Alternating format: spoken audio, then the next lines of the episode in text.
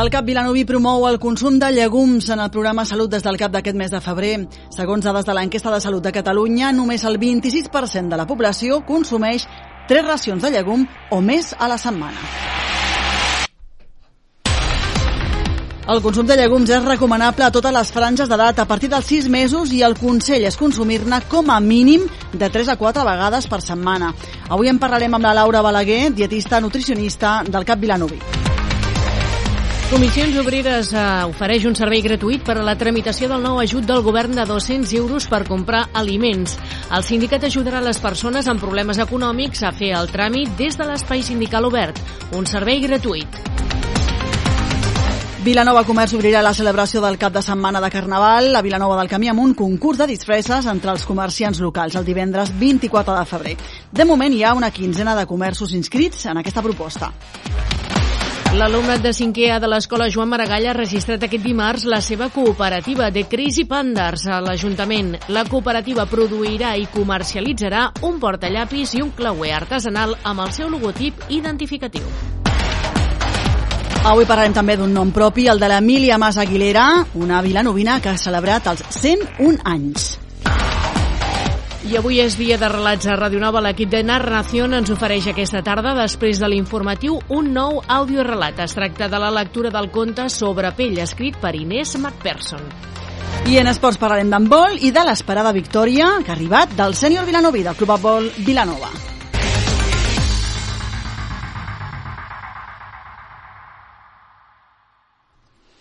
L'espai de salut des del CAP que fem des de Ràdio Nova amb l'equip d'atenció primària a Vilanova del Camí es dedica aquest mes de febrer als llegums i als petits canvis per menjar millor. I és que l'Assemblea General de les Nacions Unides va declarar el dia 2 de febrer com a Dia Mundial dels Llegums, amb l'objectiu de seguir conscienciant la població sobre els seus beneficis nutricionals, així com també sobre la seva contribució als sistemes alimentaris sostenibles.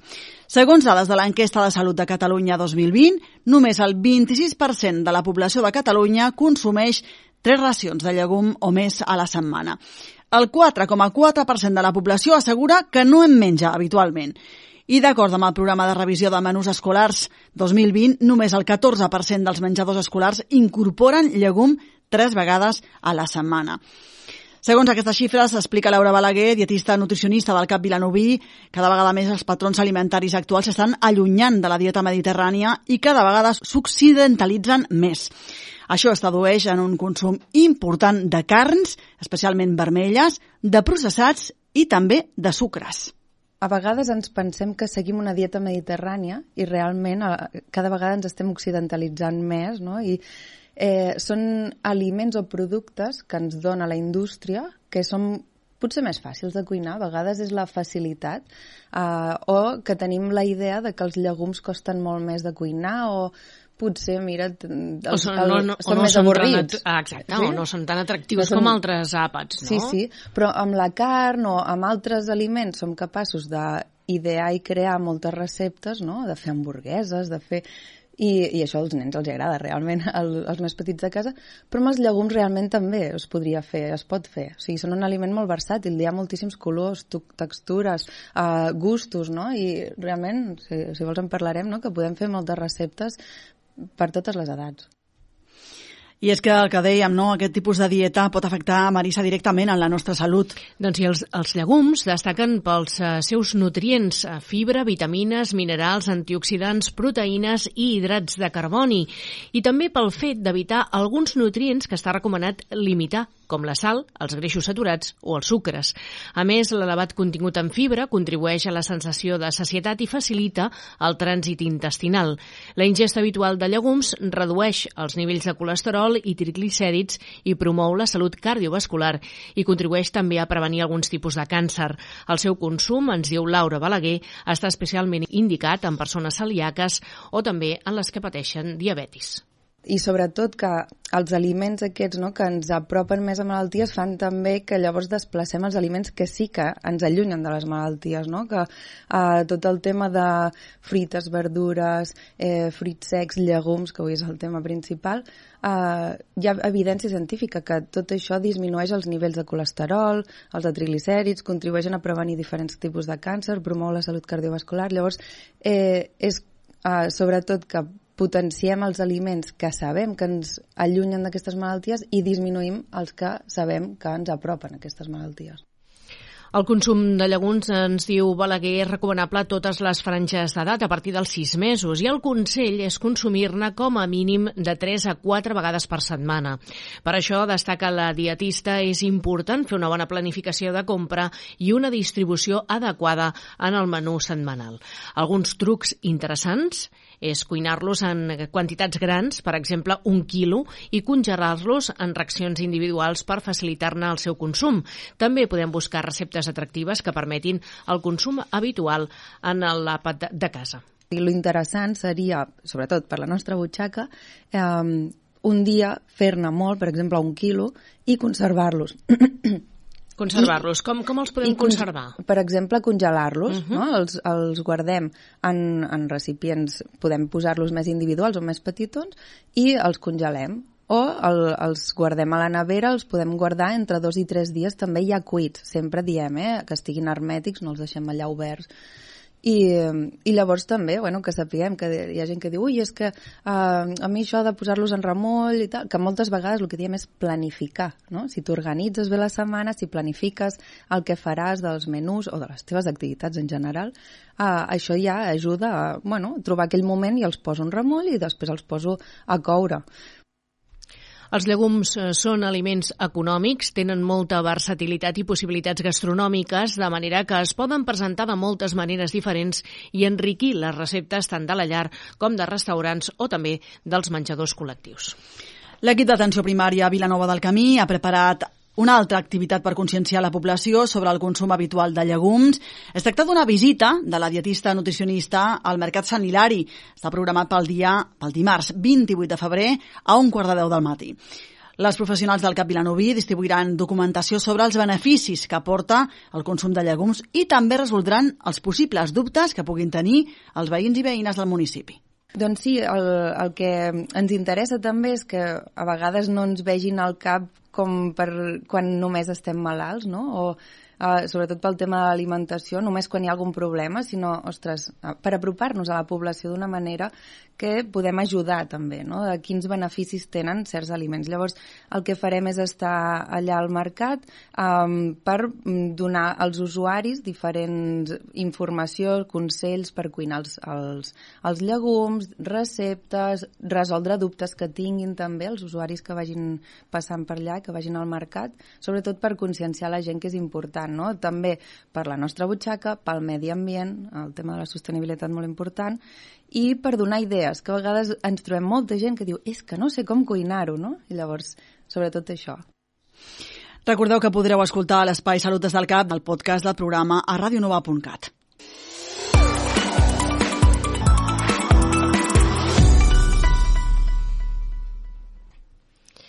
Les persones en situació de vulnerabilitat social i econòmica tenen moltes dificultats per completar de forma autònoma tràmits i sol·licituds de prestacions de tota mena.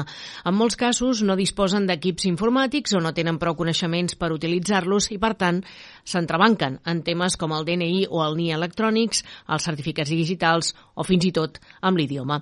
Des de fa anys, Comissions Obreres té en funcionament un servei d'assessorament i suport per ajudar aquests col·lectius a fer gestions amb el CEPE, el SOC, tramitar ajuts socials d'habitatges o beques, entre altres. Es tracta de l'Espai Sindical Obert, un servei gratuït adreçat a persones treballadores i a la ciutadania en general. Aquests dies ha incorporat la tramitació telemàtica del nou ajut del govern de 200 euros destinat a famílies amb rendes baixes per mitigar els efectes de la inflació. Entre el 15 de febrer i el 31 de març, l'Agència Tributària mantindrà actiu un espai web per fer la sol·licitud d'aquest nou xec, un abonament únic de 200 euros adreçat a persones amb residència habitual a l'Estat, amb baixos nivells d'ingressos o amb un patrimoni reduït. Les persones que necessitin recórrer a aquest servei ho poden fer posant-se en contacte amb el sindicat Comissions Obreres trucant per telèfon al 93 377 92 92. On es demana aquest ajut? Doncs el xec de 200 euros s'ha de demanar de forma telemàtica a través d'un formulari que ja es troba actiu a la seu electrònica de l'agència tributària. Per poder sol·licitar-lo, l'usuari ha d'estar registrat al sistema clave o tenir certificat electrònic o DNI electrònic per poder-se, com dèiem, identificar. Al formulari haurà de figurar el compte bancari del titular de la sol·licitud en la qual es desitgi que es faci l'abonament. I s'ha de portar alguna documentació? En principi, segons el Ministeri d'Hisenda i Funció Pública, no cal aportar cap documentació a l'hora de fer aquesta sol·licitud. Un cop omplert el formulari, l'agència tributària crearà i creuarà aquestes dades amb les altres administracions i determinarà si el contribuent té dret a rebre aquest xec.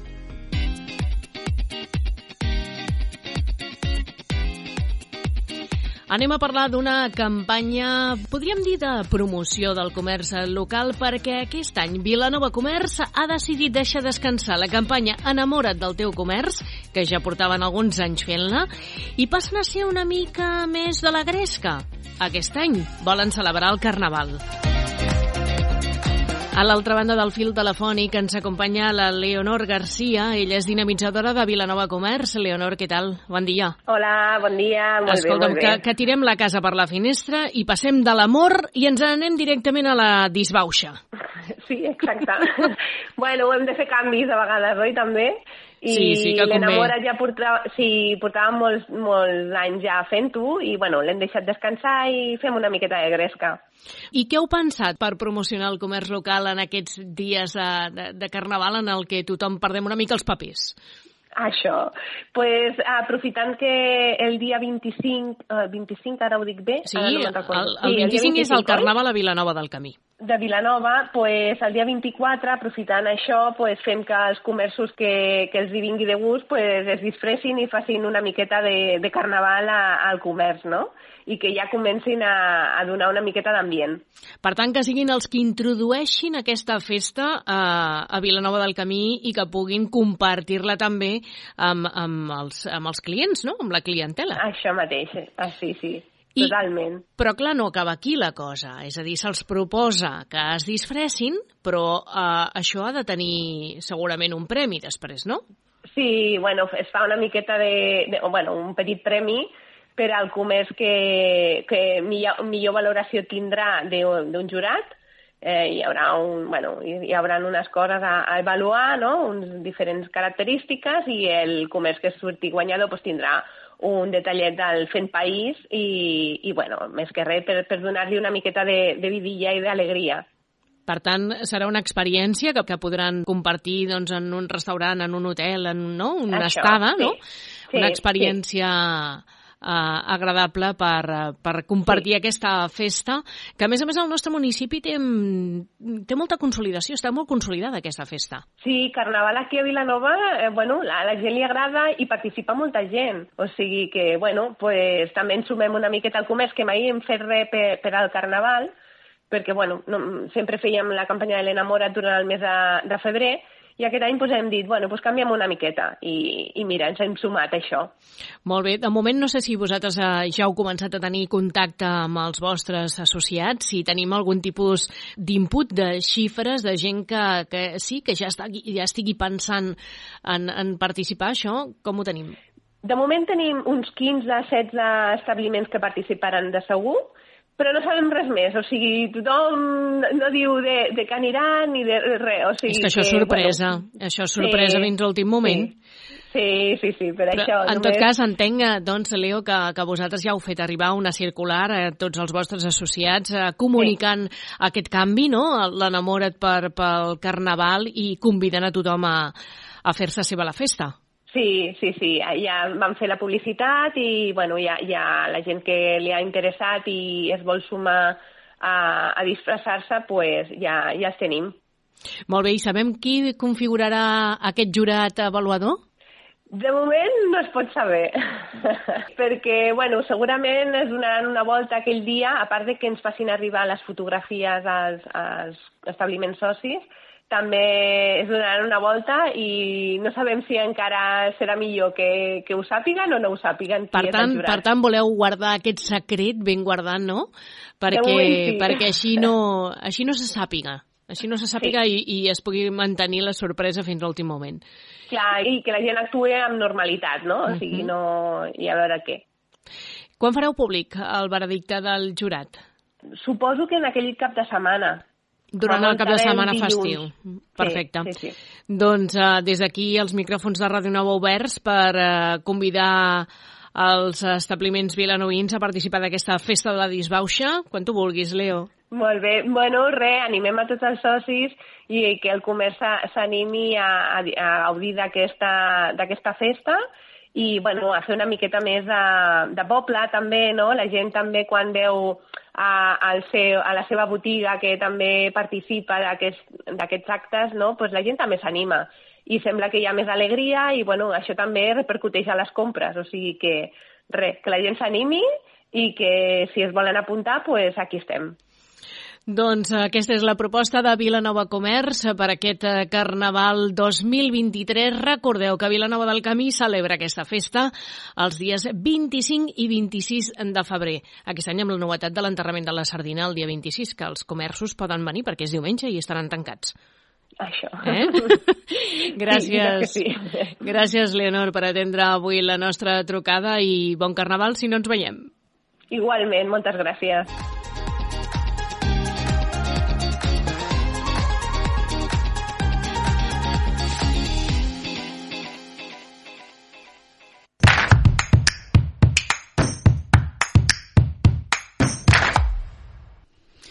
L'alumnat de 5è A de l'Escola Joan Maragall ha registrat aquest dimarts la seva cooperativa de Crais i. Ho ha fet a l'Ajuntament de Vilanova del Camí.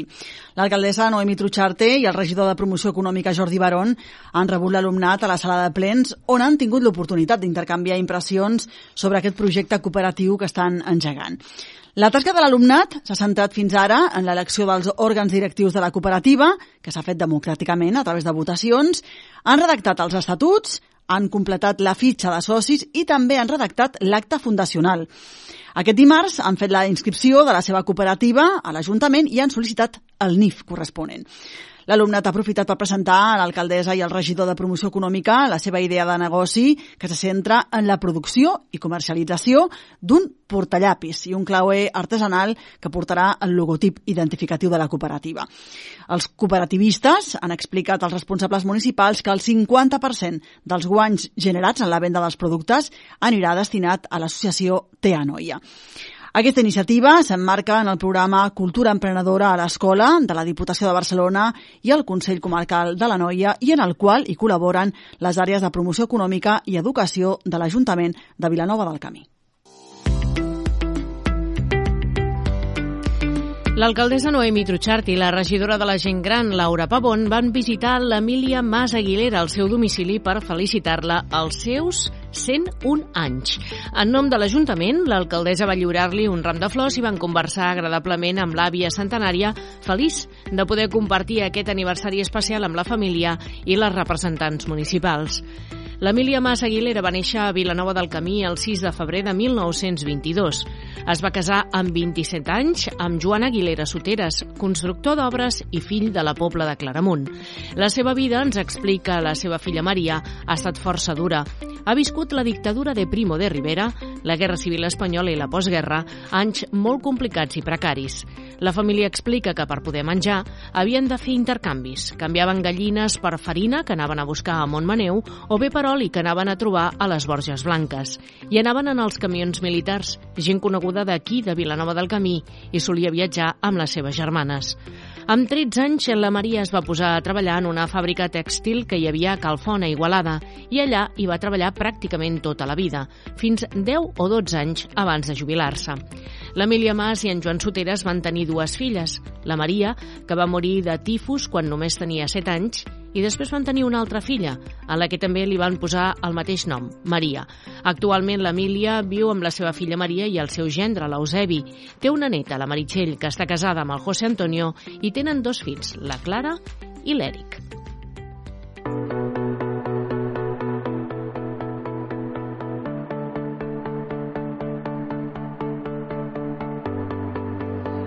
Avui és dia de relats a Ràdio Nova. L'equip de Narranación ens ofereix aquesta tarda, després de l'informatiu, un nou audiorelat.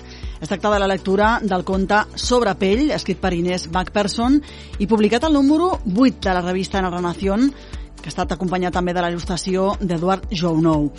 Els conductors del programa, Javi Fernández i Laia Rubio, ens endinsaran en la lectura d'aquesta obra que, com asseguren, acull un peculiar fantasma, menys romàntic i menys real, diuen, que el de Canterville, i que apela a la sinceritat per acostar-nos a aquelles pèrdues punyents que ens transformen. L'autora, Inés Macpherson, serà una de les tertulianes que intervindrà al programa Narració el pròxim dijous, 23 de febrer. L'equip comptarà també amb una convidada especial, la il·lustradora Maria Morales. I serà el cinquè programa d'aquesta temporada radiofònica quan estrenen novetat, amb el sorteig d'un llibre entre els oients. Per participar-hi només cal que comenteu el programa del mes en curs per qualsevol dels canals on podeu escoltar el podcast, ja sigui a iVox, Spotify o iTunes. I d'altra banda, aquesta setmana l'equip de la revista Narración té una altra cita destacada a l'agenda perquè faran la presentació del número 8 a Igualada serà aquest divendres 17 de febrer al local de la Maca Igualada a les 8 del vespre.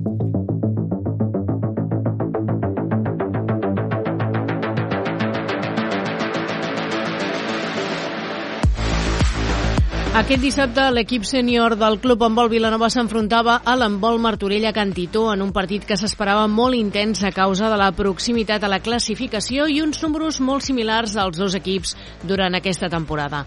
Les locals, amb un inici valent i encertat, van obrir una distància al marcador que va ser impossible de remuntar per les de Martorell. Al minut 15 el marcador assenyalava un contundent 11 a 4. L'equip exhibia una defensa sòlida amb una Xènia Martini inconmensurable a la porteria. A la represa, la tònica va ser similar fins a aconseguir el 26 a 22 final que apropa el Vilanova al seu rival directe en la classificació.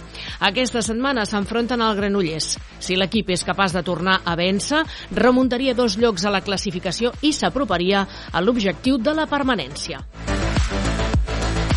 Pel que fa a l'equip juvenil, el Vilanova es va mostrar superior i es van dur els punts en joc contra el Garbí. Primera part igualada a la que van jugar els dos equips amb les vilanovines, sempre per davant al marcador. Al principi els errors es repartien a parts iguals pels dos conjunts. A mesura que anaven passant els minuts, les jugadores del Vilanova van anar millorant i van posar una mica de marge al marcador. La segona part va ser totalment diferent. Les de casa, més centrades, a base d'una forta defensa i un millor encert de cara a la porteria contrària, van controlar el partit amb una certa comoditat. Cal destacar una vegada més el gran partit a la porteria de la Júlia, portera cadet del club, amb grans aturades en moments importants que van permetre distanciar-se al marcador. Al final, el resultat de 28 a 21 que feia palesa la superioritat vilanovina. L'equip doncs va millorant i de mica en mica els resultats van també acompanyant. Una victòria, una derrota i un empat per l'equip cadet que es queda fora de la base pel títol. Aquest és el balanç dels tres darrers enfrontaments de Lliga Catalana de l'equip cadet. Fa 15 dies eh, van quallar una important victòria davant el Sant Joan d'Espí, un rival dur que no havien pogut vèncer en altres ocasions. Les vilanovines van fer un excel·lent partit que els va mereixer la victòria i dos punts valuosos. Però la setmana passada no van poder vèncer a l'Amposta, van quedar 25 a 21, i aquesta setmana l'equip de Moreno i Paños necessitava els dos punts per passar a la fase pel títol de Lliga. L'equip s'enfrontà a Igualada en un partit amb mals i baixos marcat per un mal inici i per la lesió al genoll d'Helena Vilarrubias, que va afablir els ànims de les vilanovines. Així i tot, a la represa van saber remuntar i van posar-se per davant fins que al final del partit l'Igualada aconseguia empatar a 22. Aquesta setmana els toca un descans merescut. L'equip reprendrà la segona fase a partir del dia 25 de febrer amb nous objectius. I per últim, les infantils van imposar-se al Garbí. Bon inici del partit, tot i alguns desajustos en defensa i algunes errades en atac durant la primera part que van produir que l'equip no marxés en el marcador a causa dels llançaments fallats i l'accés de joc individual. Tot i això, el Vilanova arribava al descans per davant en el marcador. A la segona part l'equip retornar al bon joc i encadenar accions defensives exitoses amb atacs productius i col·lectius. I això va fer que l'equip es distanciés més en el marcador fins al resultat final de 24 a 19. Aquesta victòria apropa l'equip infantil a la tercera posició, empatat a punts amb el segon classificat i només a dos punts del primer.